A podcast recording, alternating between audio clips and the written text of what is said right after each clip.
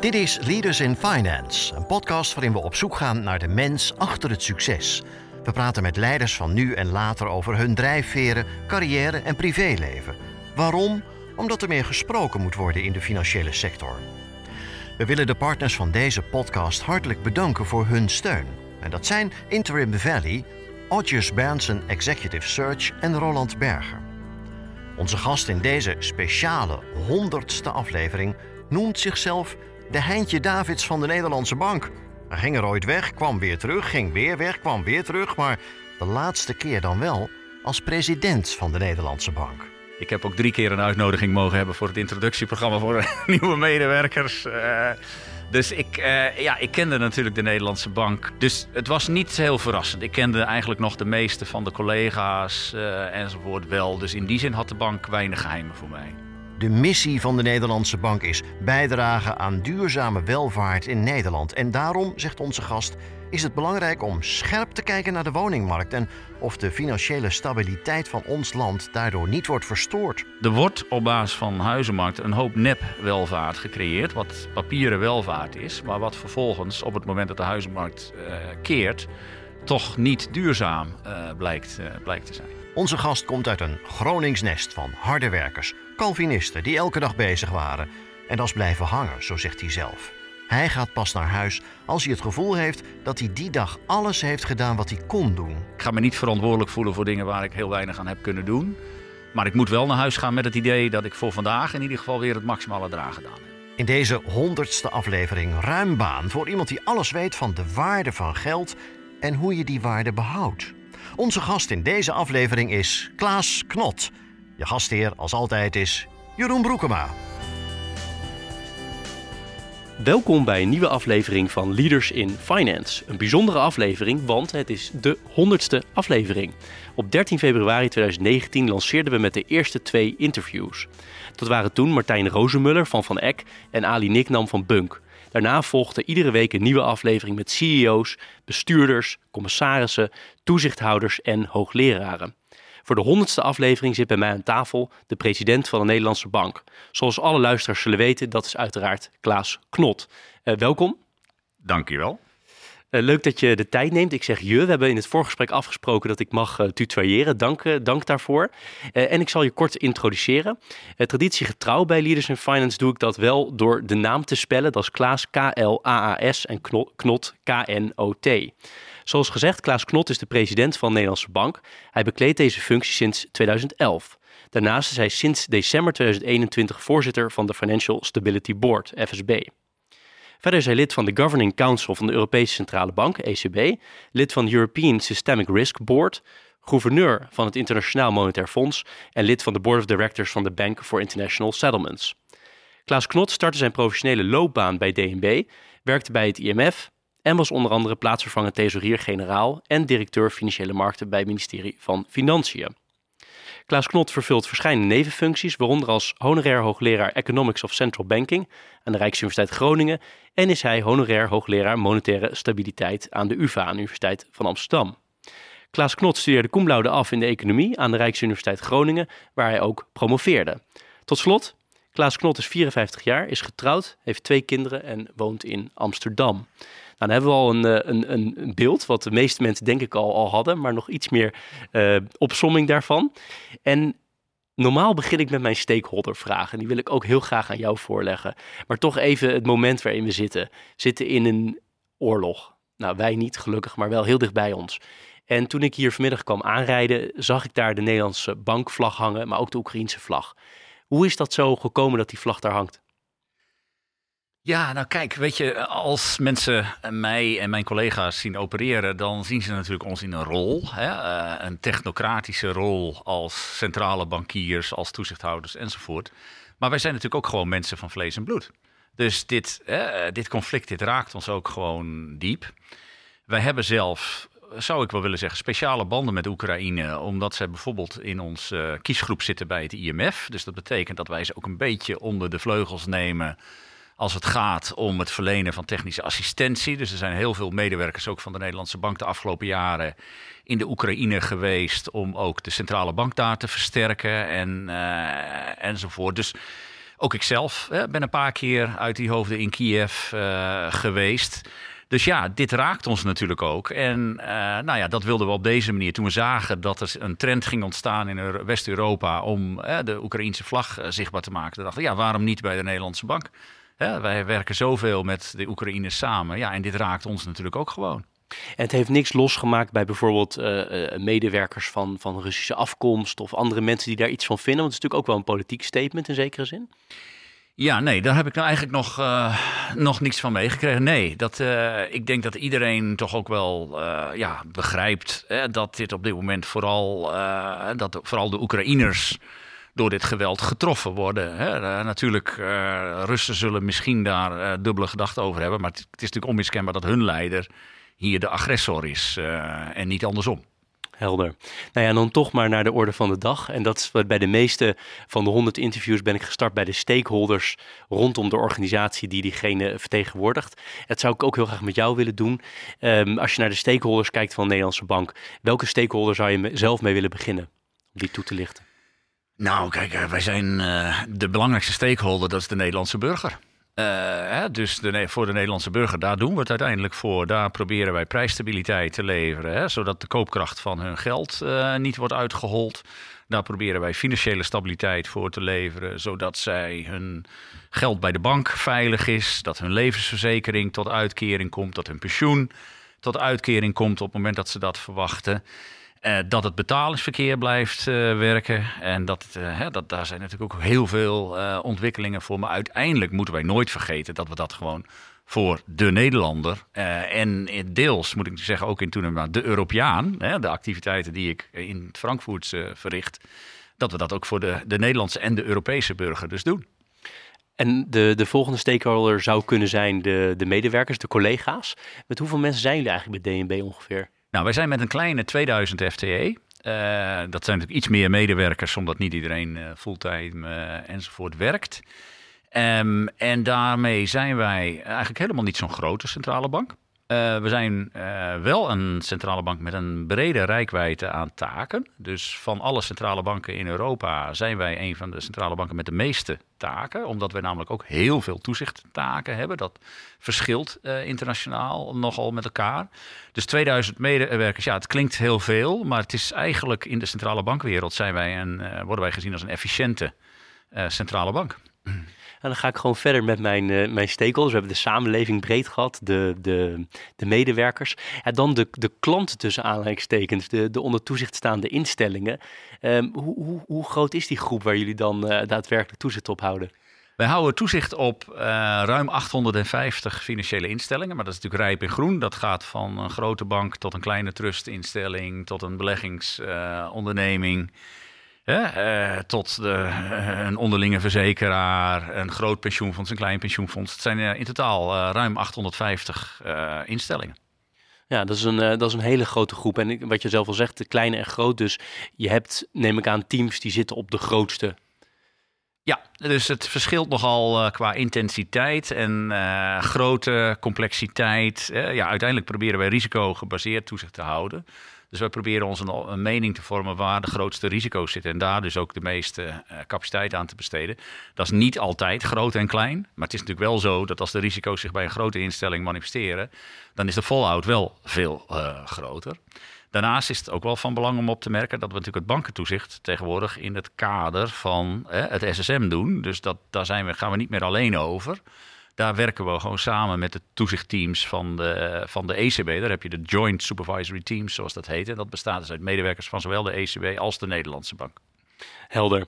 En de organisaties, de publieke organisaties rondom de DNB, is het dan zo dat AFM degene is waar het meest contact mee is? Of is het juist het ministerie of zijn het andere, uh, andere organisaties?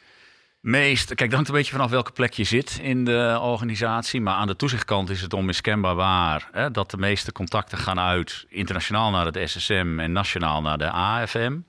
Als je wat meer aan de uh, klassieke centrale bank, hè, de money macro kant zeg maar, zit van de Nederlandse bank, dan heb je wat meer contacten met uh, Den Haag. Uh, het ministerie van Financiën is dan met name hè, onze, maar ook het ministerie van Sociale Zaken overigens, als het gaat om pensioenen, wat natuurlijk ook een belangrijk dossier in Nederland is.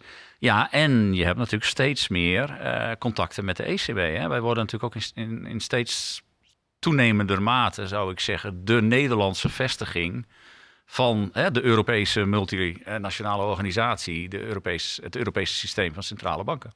Helder. Je bent nu meer dan tien jaar president van de Nederlandse Bank. Als je even teruggaat naar het moment dat je begon en nu, wat zijn dan, zou je zeggen, de belangrijkste verschillen in specifiek de organisatie DNB?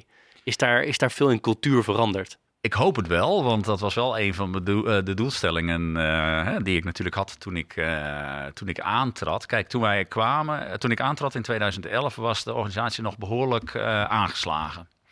Er was een mondiale financiële crisis geweest, maar die financiële crisis zat toch in het hart van het werkterrein van de Nederlandse bank. En eerlijk gezegd, ja, dat heeft ons in hoge mate verrast, die crisis. Hebben wij niet in alle opzichten zien aankomen.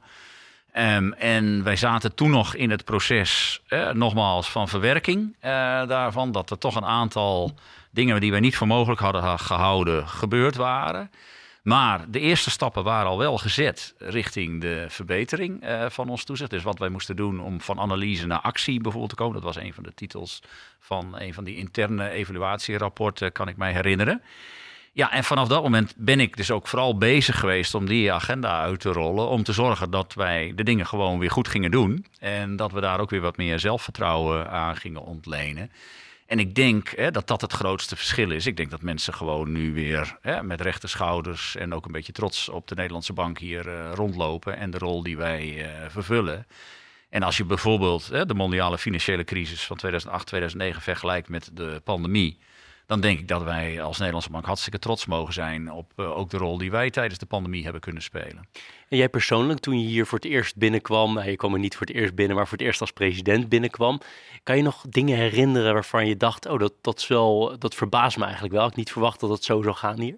Nou, ik had natuurlijk een hele lange achtergrond hè, bij de Nederlandse Bank. Uiteindelijk uh, ben ik vanaf 1995 een beetje on en off. Hè. Ik heb mezelf als de Heintje Davids van de Nederlandse Bank uh, genoemd. Ik heb ook drie keer een uitnodiging mogen hebben voor het introductieprogramma voor nieuwe medewerkers. Uh, dus ik, uh, ja, ik kende natuurlijk de Nederlandse bank. Uh, 2009 was ik de laatste keer hier weggegaan en ik ben 2011 teruggekomen. Dus het was niet heel verrassend. Ik kende eigenlijk nog de meeste van de collega's enzovoort wel. Dus in die zin had de bank weinig geheimen voor mij. Nee, duidelijk. Dan wilde ik het met je hebben over de het mandaat van de Nederlandse bank. En dan ben ik gewoon benieuwd naar hoe dat nou precies in elkaar steekt. Want um, je, je zegt, ik heb jou laatst ook weer horen zeggen, geloof bij Buitenhof, we hebben eigenlijk maar één mandaat, dat is prijsstabiliteit. Het primaire mandaat. Het primaire mandaat. Ik zie ook op jullie website nog meerdere uh, andere hoeken waar je natuurlijk ook, uh, ook mandaat hebt, waaronder natuurlijk het toezicht, een hele belangrijke, heel belangrijk mandaat op de, op de financiële instellingen. Maar hoe bepaal je nou waar dat mandaat begint en waar het eindigt? Kijk, het is vanuit de verschillende rollen hebben we verschillende mandaten. Hè. Dus al de monetaire taak van de Nederlandse bank, uh, daar, uh, die doen wij, die voeren we uit in de context van het eurosysteem. En dat mandaat, dat ligt in het verdrag van Maastricht vastgelegd. En dat zegt dat het primaire mandaat is prijsstabiliteit. En pas als je prijsstabiliteit hebt bereikt, dan kun je eventueel ook je aandacht vestigen op secundaire doelstellingen. En dat zijn dan met name de doelstellingen die uh, de Europese Unie zichzelf heeft gesteld. En dan gaat het natuurlijk ook over economische groei, werkgelegenheid. Maar dat kan bijvoorbeeld ook gaan over schoon klimaat. Dus dat, dat de doelen van de Europese Unie, dat zijn voor ons de secundaire doelstellingen. Daarnaast is het natuurlijk zo dat we binnen de Nederlandse context een aantal toezichtwetten uitvoeren. Dat doen we binnen uh, wat wij de ZBO, het ZBO-deel van de Nederlandse Bank noemen, uh, zelfstandig bestuursorgaan. Daar voeren wij natuurlijk gewoon een wettelijke taak uit, die in de WFT en in de bankwet is, uh, is vastgelegd. Ja, dat mandaat wordt uiteindelijk dus door de politiek in Nederland bepaald. Het is wel zo dat financiële wet en regelgeving inmiddels voor een belangrijk deel uit Brussel komt. Want dat is een van de, de, de, onderdelen van de interne markt, waar wij onze competentie dus voor een belangrijk deel aan Brussel uh, hebben overgedragen. Daarnaast is het zo dat Brussel vaak weer uh, toezichtstandaarden in Europese wet en regelgeving implementeert, die op mondiaal niveau worden overeengekomen. En in die comité's zitten wij vaak weer als de Nederlandse bank. Dus wij zitten vooral binnen de Financial Stability Board, zit het ministerie van Financiën ook in. Maar ik denk wel dat het ver is om te zeggen dat de Nederlandse bank daar wel de leidende rol heeft in Nederland. Wij zitten in het Basels Comité hè, van bankentoezichthouders. Nou, wij zitten in de internationale vereniging van uh, verzekeringstoezichthouders enzovoort. Dus het is een beetje, ja, toezichtwet en regelgeving komt, zou ik willen zeggen, in interactie, in nauwe interactie tot stand tussen de Nederlandse bank, de, de Brusselse autoriteiten en, en ook Den Haag. En zit er soms wel eens grijs gebied dat je zelf denkt of jullie intern in het directieteam van nou, dit is iets waar we misschien toch op het randje zitten waar we ons mee moeten bemoeien of niet?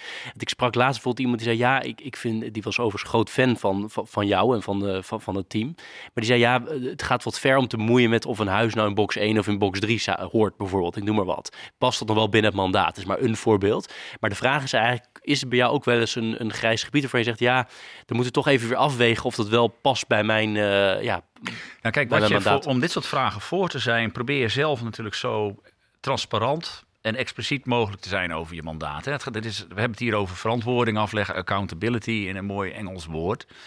En wat wij daartoe hebben gedaan, is dat we hebben voor onszelf ook een missie uh, geformuleerd. En dat is dat wij willen bijdragen aan duurzame welvaart in Nederland. Dat is natuurlijk ook een missie die breed is. Daar kun je keuzes in maken wat er wel onder valt en wat er niet onder valt.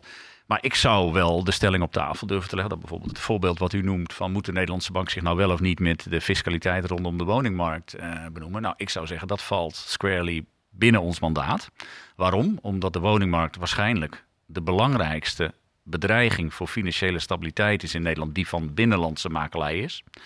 De meeste bedreigingen voor de financiële stabiliteit van Nederland komen allemaal uit het buitenland. Die spoelen in feite gewoon over ons land heen. Dat komt nou eenmaal omdat we een open economie zijn met een open financiële sector. kijk ook naar de financiële crisis van 2008, 2009. Maar er is één factor waarvan ik zeg, ja, die is toch echt van binnenlandse makelij. Dat is onze huizenmarkt. Uh, en daar speelt fiscaliteit wel degelijk een belangrijke rol in, in de mate waarop die huizenmarkt overspannen wordt. En als die huizenmarkt overspannen wordt, gaan mensen toch zichzelf overreachen als het gaat om hè, hypotheken eh, enzovoort. En op het moment dat de huizenmarkt dan keert, ja, dan krijg je onderwaterproblematiek, financiële instabiliteit. En dat heeft vervolgens weer een negatieve impact op de welvaart die we met z'n allen uh, creëren. Er wordt op basis van huizenmarkt een hoop nep-welvaart gecreëerd, wat papieren welvaart is, maar wat vervolgens op het moment dat de huizenmarkt uh, keert, toch niet duurzaam uh, blijkt, uh, blijkt te zijn. Dus ik had eigenlijk het voorbeeld er niet bij moeten geven. Want als zonder het voorbeeld was eigenlijk de vraag van... is, is, het, is het er ook wel eens grijs gebied?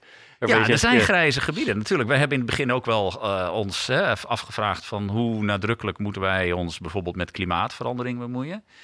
Nou, uiteindelijk zijn wij tot de conclusie gekomen... dat de energietransitie, dat dit een van de grootste, zo niet de grootste... Uh, het grootste structurele veranderingsproces is... wat de Nederlandse economie in de komende jaren moet ondergaan. En dat verandering, dat is voor ons een gegeven. Kijk, wij bemoeien ons niet met de IPCC-modellen enzovoort, maar het is voor ons een gegeven hè, dat wij die energietransitie gaan doormaken, dat dat een groot structureel veranderingsproces is. En dat gaat natuurlijk ons mandaat op alle manieren raken. Dit gaat de prijsvorming, uh, de inflatie bepalen. Dit gaat uh, klimaatgerelateerde financiële risico's, gaan natuurlijk de solvabiliteit en de liquiditeit van onder, onder de toezichtstaande instellingen raken. Dus met andere woorden, ja, we hebben geconstateerd, dit heeft zoveel raakvlakken met ons mandaat. Maar daar zijn we best wel op bekritiseerd. En daar worden we zeker tot op de dag van vandaag nog op bekritiseerd. Je luistert naar Leaders in Finance met Jeroen Broekema. Wat mij ongelooflijk lastig lijkt, is er zijn zoveel risico's. En dan in de financiële sector, dan heb je ook nog de hele macro-economie erbij. Hè? Dus niet alleen die financiële sector, specifiek. Maar hoe in godsnaam maak je nou keuzes waar je tijd... Want 2000 man lijkt veel meer, je gaf zoveel aan. Je moet een enorme wijk, eh, nou, enorm breed gebied overzien. Maar hoe maak je nou keuzes waar je echt je tijd in steekt? En je zegt dus ook nee tegen dingen, want je kan niet al die risico's blijven overzien, lijkt mij. Ja, dat is deels ook intuïtief. Uh, maar het is gewoon waar dat als je in de loop van de jaren kijkt, hè, dan is ook voor zeg maar conjuncturele stabiliteit, is de financiële cyclus is steeds belangrijker geworden.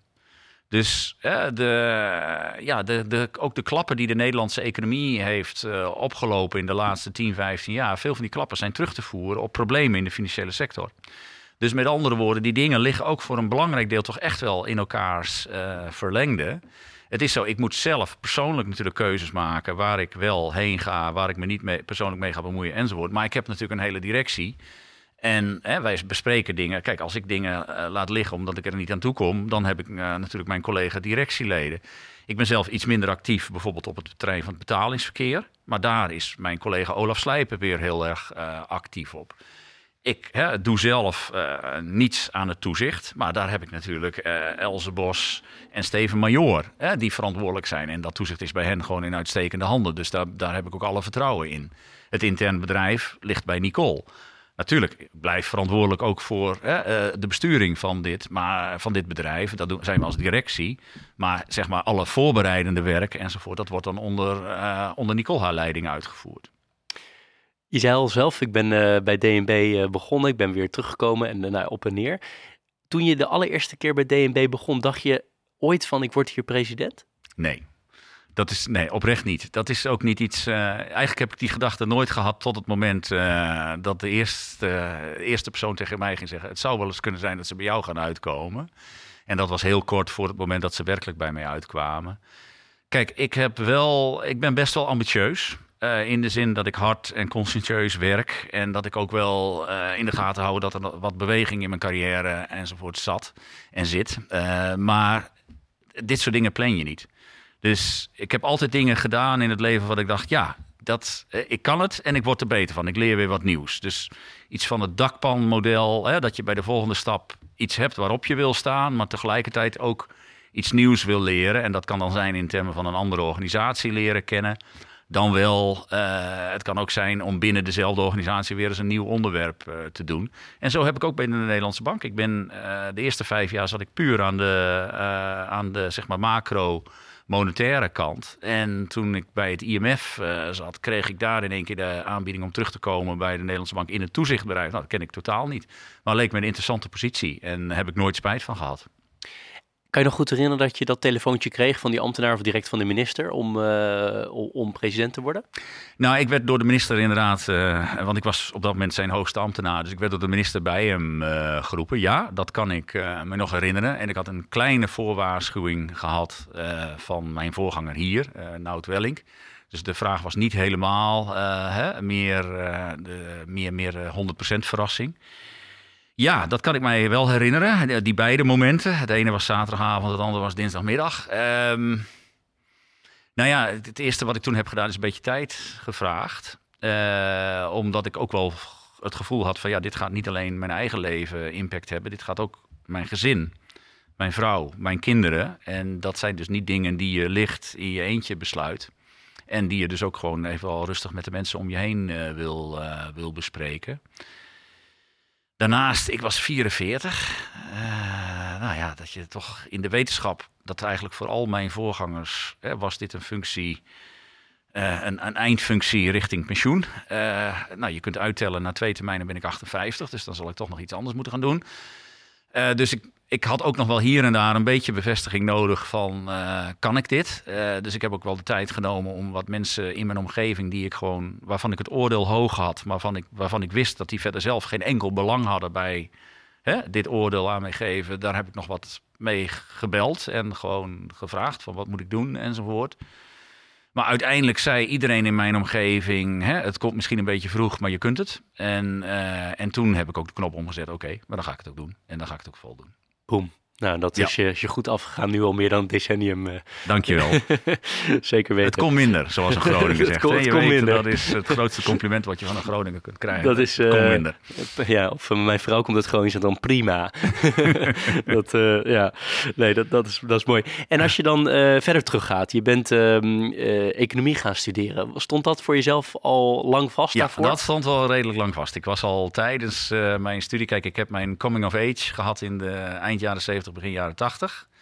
Toen was ik middelbare scholier. En toen, nou ja, toen was de Nederlandse economie een drama. Echt een total basket case, uh, zou je zeggen. Hè? Ongeveer, heel populair gezegd, uh, 10% werkloosheid, 10% inflatie en 10% begrotingstekort. Dat was ongeveer, nou de cijfers kloppen natuurlijk niet helemaal, maar dat was wel ongeveer hoe het ervoor stond. En ja, dan, ik was natuurlijk als scholier, dan vraag je af, hoe kan zoiets? Ik bedoel, hoe kan een vak als economie, hoe kan dat zo'n drama opleveren? En kan dit echt niet beter? Maar dit waren echt de donkere begin van de jaren tachtig. Met uh, de ambtenarenstakingen en uh, de kabinetten Lubbers die nou ja, orde op zaken moesten stellen enzovoort. En toen had je ook al een bankencrisis, ging ineens een bank failliet. Terwijl mijn economieleraar op de middelbare school zei, ja dat kan helemaal niet, een bank kan helemaal niet failliet. Nou dat kon dus wel. Hè. Nou ja, en dat riep bij mij wel allerlei vragen over van, ja, wat gebeurt hier en kan dit niet beter? Dus die fascinatie voor economie, die is toen wel uh, bij mij ontstaan. En je wist toen ook al, dat ga ik in Groningen doen? Nou, eerlijk gezegd, dat was eigenlijk een beetje gewoon iedereen die uit de noordelijke... Toen was het allemaal nog wat regionaler dan nu. Hè? Als je in de noordelijke provincies woonde en je, ging iets, je wilde iets studeren wat je in Groningen kon doen, ging je gewoon in Groningen studeren. Dat had gewoon een regionale functie. Tegenwoordig is het veel gebruikelijker om je bachelor in één plek te doen en dan je master. Maar dat was, wij hadden nog gewoon een propenduize en daarna studeerde je af. En ja, Groningen was gewoon een logische keus. Bovendien had nou, goede economische faculteit, hè? dus dat was ook uh, prima. Dus voor mij was het nooit een andere. Ik heb eigenlijk nooit echt naar een andere universiteit gekeken op dat moment. Nee, ik las een leuk artikel in het Financiële Dagblad over jouw economieleraar. Je had het net al even aan. Was dat ook de trigger echt om daadwerkelijk dat te gaan studeren? Nou ja, hij is zeker een van mijn motivator geweest. Maar ja, als je een vak leuk vindt, vind je volgens mij meestal de leraar ook wel leuk. Dat is ja, omdat je dan toch iets van hè, de interesse hebt. Maar zeker, uh, hij, hij, is zeker ook een van degenen die me gemotiveerd heeft. Uh, ja. En je groeide op ten noorden van, van Groningen in een klein, klein dorpje. Hoe was, hoe was dat opgroeien daar? Mm. Daar heb ik maar vier jaar gewoond. Dus ik, uh, ik ben op tot mijn vierde in Londen dan tot mijn achtste in Rode. En toen ben ik verhuisd naar Drachten. En daar heb ik tot mijn achttiende gewoond. Dus ik denk dat ik mijn jeugd meer in, uh, in Drachten heb gehad. Middelgrote plek. Ja, dat is gewoon zoals een middelgrote plek is. Ja, wat moet je daarvan zeggen? Dus uh, wat nieuwbouwwijken en een middelbare school. En, ja. ja, en het misschien zegt de opvoeding meer. Wat voor soort opvoeding zou je daar iets over willen delen? Hoe je bent opgevoed? Nou, ik kom uit een uh, Calvinistisch nest, synodaal gereformeerd. Uh, en dat sla je er natuurlijk nooit helemaal uit. Hè? Dat, uh, dat krijg je wel mee. En ik kom ook wel uit een omgeving van eh, doe maar gewoon, dan doe je gek genoeg. Um, we hebben het niet echt arm gehad thuis, maar we hebben wel wat financiële tegenslag gehad. Door ook een, ja, een paar ongelukkige keuzes van mijn ouders op de huizenmarkt met name. Dat is natuurlijk ook een, een ervaring die je vervolgens zelf wel uh, meeneemt. En ook de, vooral de manier waarop zoiets tot stand komt. Dus uh, ja, maar ik, uh, ik heb niet een ongelukkige jeugd gehad of zo. Dat ik het gevoel heb dat ik van alles moet goedmaken. Nee, dat, dat niet. maar een aantal normen en waarden neem je wel mee. ik denk dat ik, nou ja, dat ik geloof in normen en dat ik geloof in regels. En dat soort dingen, dat, ja, dat heb ik wel van huis uit meegekregen. En broers en zussen? Uh, ik heb een uh, oudere zus en die is lerares op de middelbare school, Duits en Frans. En ik heb een uh, jongere broer en die werkt in de IT-sector. Ja, en, en qua werk, als ik dat ook nog mag vragen, dan ben ik ook altijd nieuwsgierig naar wat voor soort werk deden je ouders? Nou, mijn vader was, die zat in de agrarische toeleveringssector, dus kunstmest, veevoeder enzovoort, verkoop. En mijn moeder was onderwijzeres op de, op de lagere school. En ja, ik vind zelf lesgeven ook erg leuk hè, aan de universiteit. Dus dat heb ik waarschijnlijk van mijn moeder. Mijn vader was ook zeer in economie geïnteresseerd. Dus dat heb ik waarschijnlijk uh, van hem gekregen. Ja, en verder hard werken, dat was wel gewoon uh, bij ons thuis de moraal. Dus dat, dat heb ik ook wel. Hè. Dus ik ga pas naar huis met het gevoel dat ik in ieder geval voor vandaag er alles aan heb gedaan. Dan vervolgens hè, kan ik ook makkelijk dingen van me af laten schudden. Dus ik ga, geen, ik ga me niet verantwoordelijk voelen voor dingen waar ik heel weinig aan heb kunnen doen. Maar ik moet wel naar huis gaan met het idee dat ik voor vandaag in ieder geval weer het maximale eraan gedaan heb. En bijbaantjes? Of was het juist alle ballen op uh, school en studie? Nee, nee. Ik heb heel veel leuke bijbaantjes vooral gedaan. Uh, dus uh, nee, dat vond ik ook allemaal erg leuk. variërend van bordenwasser in een restaurant... tot aan de lopende band bij Domo, fabriek... Postbode ben ik geweest. Was echt het allerleukste baantje wat er is. Gewoon eigen verantwoordelijkheid voor een stukje wijk. Een bak met post die je binnenkrijgt en die je zelf moet hè, sorteren. Want dat was toen nog zo. En vervolgens moet wegbrengen. Dus uh, studentenassistentschappen, uh, dat betaalde natuurlijk het allerbeste. Dus uh, dat was ook allemaal. Nee, dus ik heb heel veel bijbaantjes gedaan. En daardoor heb ik ook zonder studieschuld ja, kunnen afstuderen. Weet je nog wat je verdiende bij die bijbaantjes? Oh nee, eerlijk gezegd. Uh, maar het zal natuurlijk allemaal, het zal allemaal in de huidige context niet heel veel geweest. Ja, dat, zal om, uh, dat gaat niet om 10 gulden per uur. Uh, nee, dat zal, om, het zal minder zijn geweest, denk ik. Ik kan je nog herinneren, moment... Ja, bij het bordenwassen was het een tientje per uur volgens mij, 10 gulden, ja. Nou, dat klinkt nog niet eens zo slecht als je daar wat inflatie en dingen overheen hebt. Dat is niet eens zo slecht inkomen. Nee. En, en kan, je, kan je nog herinneren wanneer je door had dat je toch wel een goede, goede leerling was en, of scholier? Dat je goed kon leren? Nou, ik, ja, kijk, ik haalde natuurlijk al cum laude cijfers dus ik ben cum laude afgestudeerd, zoals je zelf ook al refereerde. Dus als je dus op een bepaald moment overal acht of hoger, want dat, ik, toen mocht je nog geloof ik één keer een zeven of zo in je hele masterfase hebben. Um, dus als je dat haalt, dan... dan ja, dat was de universiteit, hè? Ja, dat was de universiteit. op school had je waarschijnlijk ook al door. Ja, op school was ik vooral heel erg goed in wiskunde. Dat helpt natuurlijk ook, dat je uh, snel kunt rekenen uh, enzovoort. En ook daar had ik inderdaad cijfers wat, wat je, uh, denk ik wel cum laude nu zou noemen. Um, ja, dus dan krijg je wel door dat je, uh, nou ja, dat dat je in ieder geval wel ligt. Dat, uh, ja. En was het dan ook zo, als wij vroeger goede cijfers haalden, uh, mijn broers en ik, dan vonden mijn ouders dat leuk. Maar dat was gewoon, nou ja, oké. Okay. was prima om het maar even aan te halen. Was dat bij jou ook zo? Of, of moeders het heel, wel heel erg aan om het beste te... Nee, ik geloof niet dat ik... mijn ouders wilden natuurlijk wel gewoon graag dat ik de diploma's haalde. En dat ik naar vermogen uh, presteerde. Maar het was niet zo dat ze onderscheid maakten tussen de kinderen, omdat de ene hogere cijfers haalde dan de andere. Want bijvoorbeeld mijn zus had een heel ander profiel. Dat was een echte alfa. Die had juist heel veel moeite met vakken als hè, natuur en scheikunde. Dus die haalde veel meer met, met, zeg maar cijfertjes met hakken over de sloot op, de, op die vakken. Maar daar werd geen enkel onderscheid in gemaakt. Dus mijn ouders waren vooral trots hè, dat alle drie kinderen VWO en alle drie kinderen uiteindelijk naar de universiteit. En natuurlijk, je werd ja, ook weer een beetje dat Calvinistische. Je hebt talenten gekregen om er iets mee te doen. Dat, dat werd ik wel, kreeg ik wel vanaf het uh, eerste begin uh, mee. Maar het was niet zo dat ik uh, per se elke week me moest verantwoorden over de cijfers enzovoort. Ging je gelijk op kamers in, in Groningen? Ja, ik ben op mijn achttiende uit huis gegaan. En dat was een hele goede beslissing.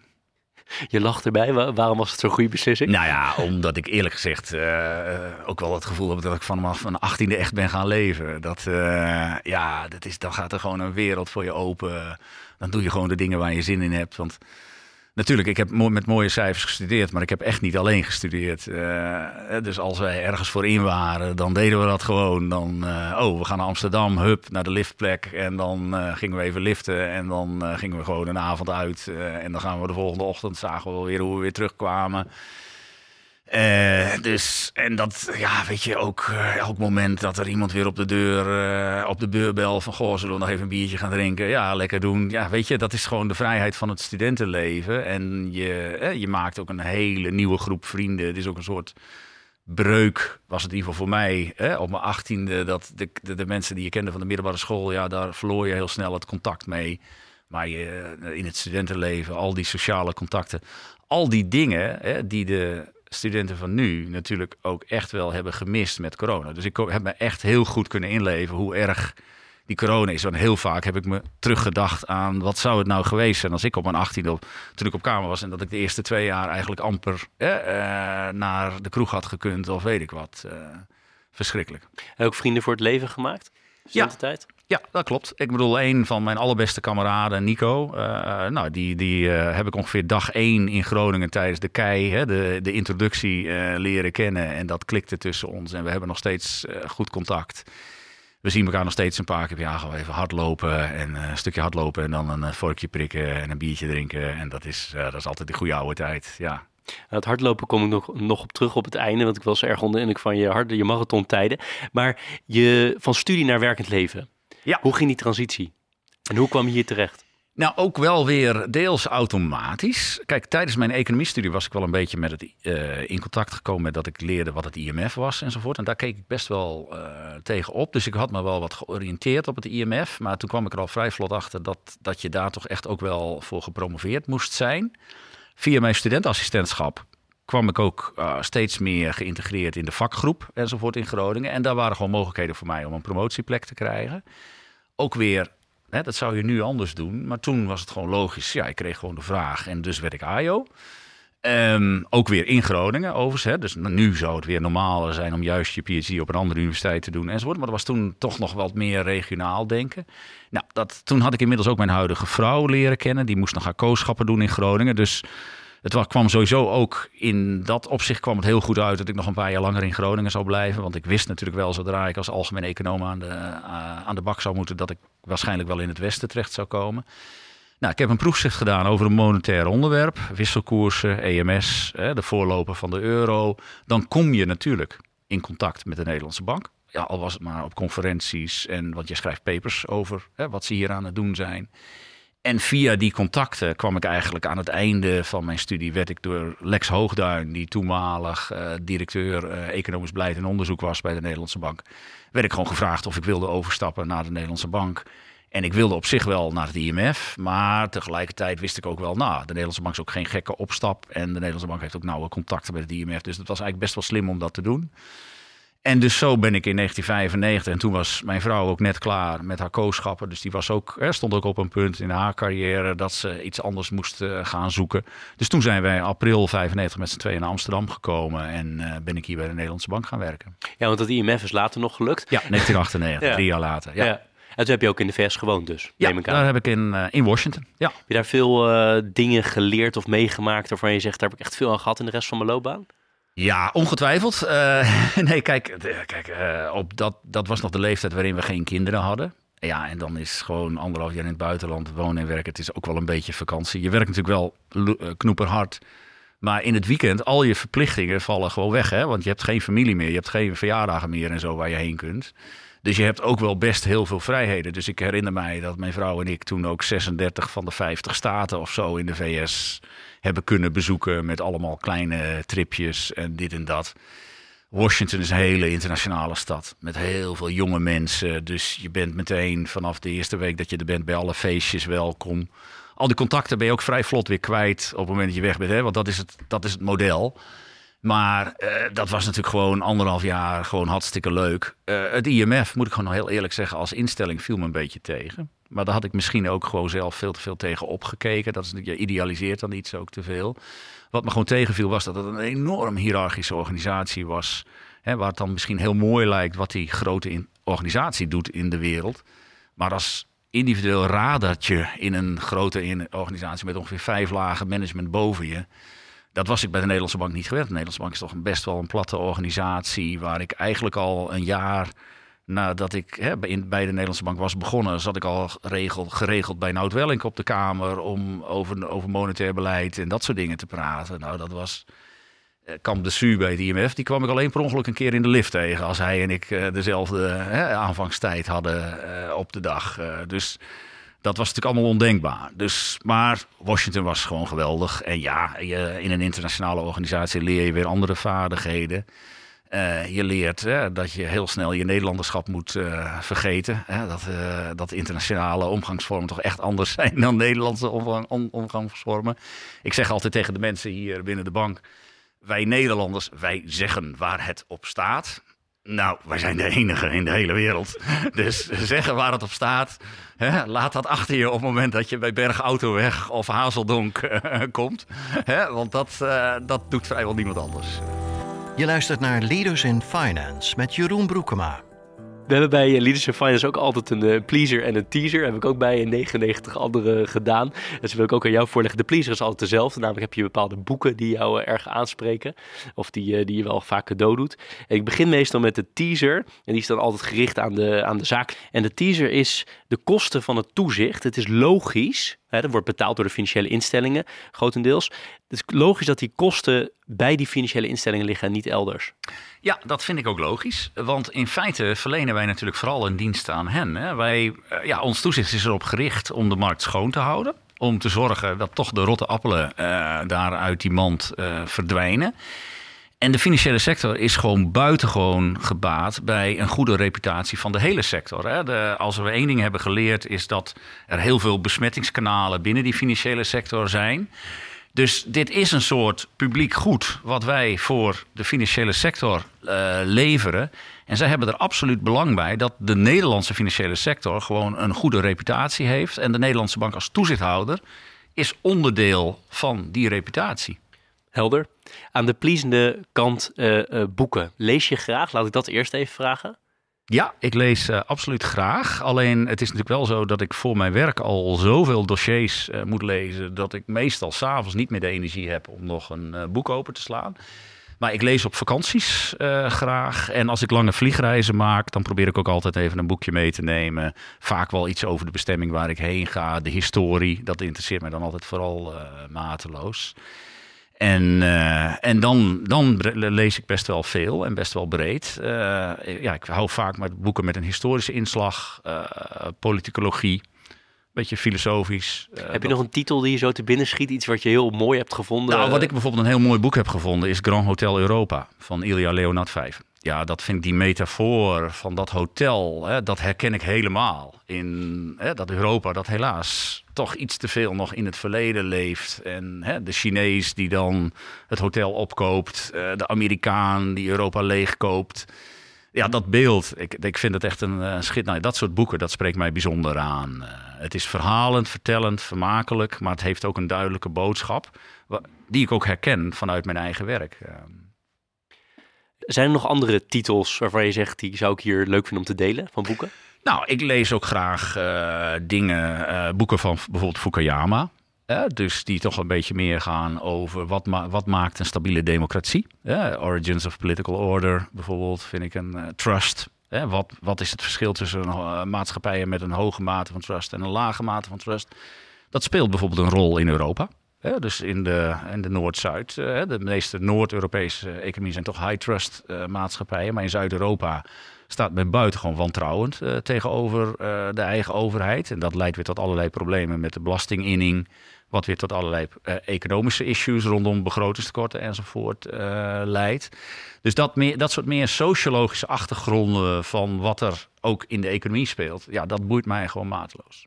En als het gaat om uh, pure ontspanningsboeken, worden die ook nog gelezen? Ja hoor, dan lees ik graag iets over de Rolling Stones uh, bijvoorbeeld. Ja, daar ben je groot fan van, hè? Begrijp ja, ik. zeker. En daar wordt ook heel veel over geschreven. En ik kan ook, als ik me dan echt moet ontspannen, dan ga ik gewoon op YouTube uh, ga ik op zoek naar allerlei filmpjes van live registraties. Met name uit begin jaren 70, want dat is toch hun gouden tijd. En dat, daar komt gewoon steeds meer materiaal nu ook uh, beschikbaar. En dat, uh, dan ga ik gewoon rustig een beetje naar wat muziek uh, kijken en luisteren. Ja. ja, dat vond ik wel mooi. Hè? Quentin Tarantino, Rolling ja. Stones, dat zijn dingen die we dan in de voorbereiding... Hebben, ja. dan hebben we wel nog, nog wat extra tijd nodig, denk ik. Maar dat zijn dingen die niet het eerste wat ik verwacht bij een president van de Nederlandse Bank. Nee, maar dat zijn ook dingen wat ik, wanneer ik echt even moet afschalen. Wanneer ik echt even gewoon echt wil ontspannen en echt even met iets compleet anders uh, bezig wil zijn. Dat kan ik natuurlijk zoeken in de gezinsfeer. Hè? Dus dat, als ik gewoon met mijn kinderen of uh, iets ga doen.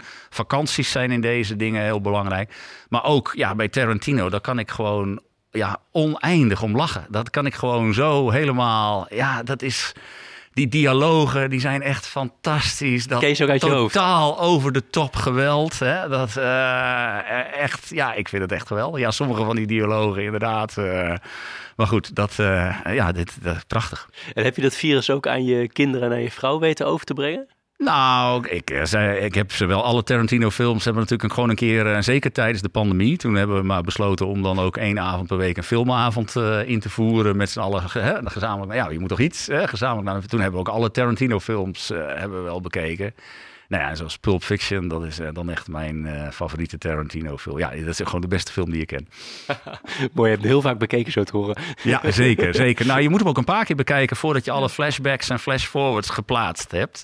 Ja, dus dat is in die zin ook wel de moeite waard. Mooi, geweldig. En de andere manier, dit is dus een soort uitlaatklep, als in mijn woorden hoor. Maar ja. de andere uitlaatklep is hardlopen.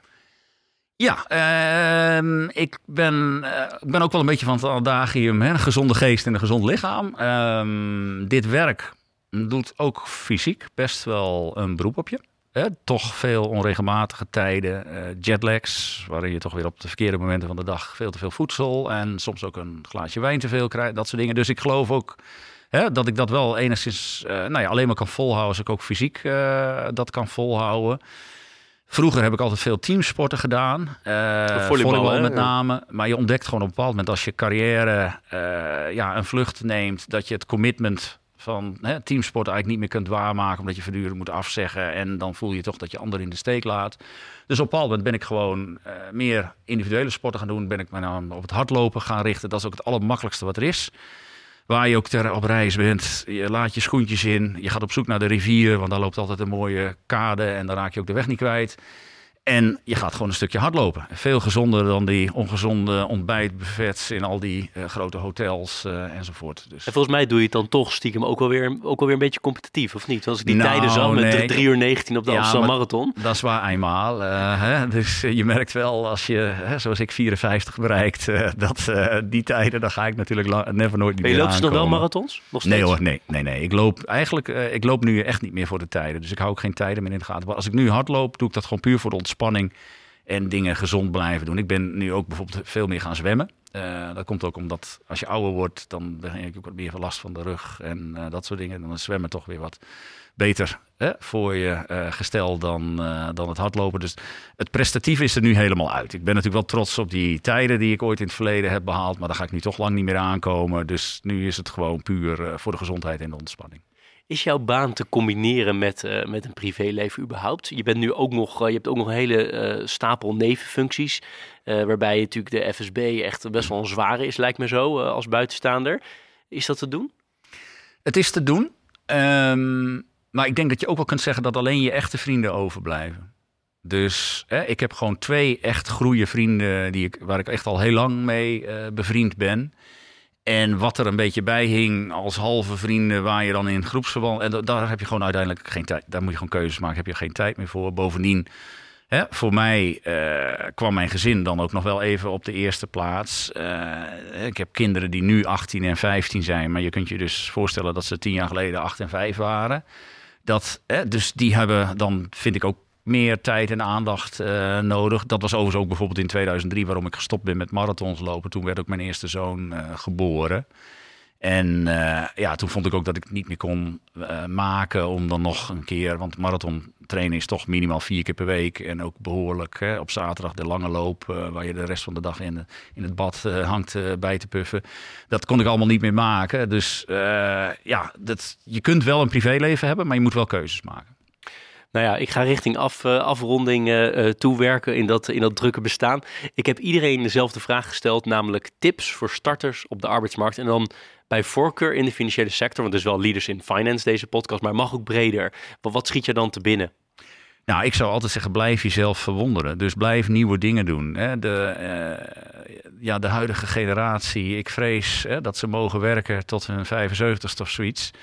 En dat betekent dat je het vrij lang mag volhouden. Uh, en dan geloof ik dat met name de basis breed genoeg moet zijn om toch gedurende je carrière verschillende dingen te doen. En dan moet je dus vooral, denk ik, aan het begin van je carrière niet te snel gefocust zijn op, op verticale dingen, dus op promoties en leidinggevende functies. Ik zou vooral in het begin van je carrière elke drie jaar wat anders doen. Hè. Dat heb ik ook zelf uh, gedaan. En natuurlijk heb je behoefte aan vastigheid, maar nogmaals, hè, zorg dan dat je iets doet wat zowel een element heeft waar je, gewoon je zelfvertrouwen hebt, dat kan ik. Versus, hey, dit is nieuw voor mij, hier kan ik mezelf weer wat verder in uh, blijven ontwikkelen. En dat moet je vooral in het begin doen. En ook niet te veel plannen. Dat die dingen, ik heb, de dingen die ik heb gedaan zijn op mij weggekomen. En op het moment dat je jezelf goed blijft ontwikkelen en je doet je werk gewoon een beetje goed, komen altijd leuke dingen op je weg. Dan komt er altijd een leuke volgende uitdaging op je weg. Op hele lange termijn, het post-DNB-tijdperk. Al lijkt dat nu nog heel ver weg voor jou waarschijnlijk. En dat, dat is het ook. Maar zijn er dingen, privé, zakelijk, waarvan je zegt dat zou ik echt heel graag nog willen doen? Of bepaalde hoeken? Nou, op dit moment moet ik eerlijk zeggen dat, dit misschien wel de moeilijkste vraag vind. Ik ben op dit moment uh, ja, best heel content met uh, hoe de dingen gaan enzovoort. Dus ik heb geen grote onvervulde uh, verlangens. Natuurlijk wil je meer tijd voor je omgeving hebben. En uh, kijk, ik ben ook wel dol op reizen en alle hoeken van de wereld enzovoort zien. Maar eerlijk gezegd, dat lukt nu ook best aardig met ons uh, gezin. We gaan toch wel meestal twee keer per jaar echt fatsoenlijk op vakantie. En zowel de kerstvakantie als de zomervakantie. Dus kijk, natuurlijk komt er een moment dat je graag ook wat meer rust wilt hebben, want dit is wel een hectische functie. Dus je staat hier wel 24-7 aan, zeker uh, nou ja, in dit soort momenten. Dus wat meer beschouwende functies hè, na deze, dat, dat zal denk ik ook wel, uh, ja, dat zal wel een keer op mij uh, voor de hand liggen. Tot slot, is er nog iets waarvan jij zegt, Jeroen, dat is toch jammer dat je dat niet gevraagd hebt, had ik graag willen, willen zeggen? Nee, niet zo niet zo heel snel, nee. Dan ga ik je heel hartelijk danken. Ik vind het extra bijzonder dat je uh, de tijd hebt genomen om de honderdste aflevering te begeleiden naar een, uh, van begin tot eind. Uh, als, als geïnterviewde. Heel veel dank daarvoor. Hier naast mij staat koffie. ik heb gecheckt van tevoren dat jij inderdaad koffie drinkt. van Bocca, dat is onze partner die de kleine cadeautjes op het einde verzorgt van een B Corp, een Benefit Corporation, gecertificeerd bedrijf. En heel veel dank voor je, voor je tijd en al je, je leuke insights en interessante dingen die je met uh, Leaders in Finance hebt gedeeld. Dankjewel. Het was een, uh, ja, het was my pleasure, zoals ze dat zeggen. Dit was Leaders in Finance. We hopen dat je deze aflevering met veel plezier hebt beluisterd. We stellen je feedback erg op prijs. Wat houdt je bezig en over wie wil je meer horen? Laat het weten via een Apple of Google review. Dat kan ook via de sociale media kanalen of direct via een e-mail we kunnen het enorm waarderen als je dat doet. Tot slot danken we onze partners voor hun steun. Dat zijn Interim Valley, Audius Berndsen Executive Search en Roland Berger.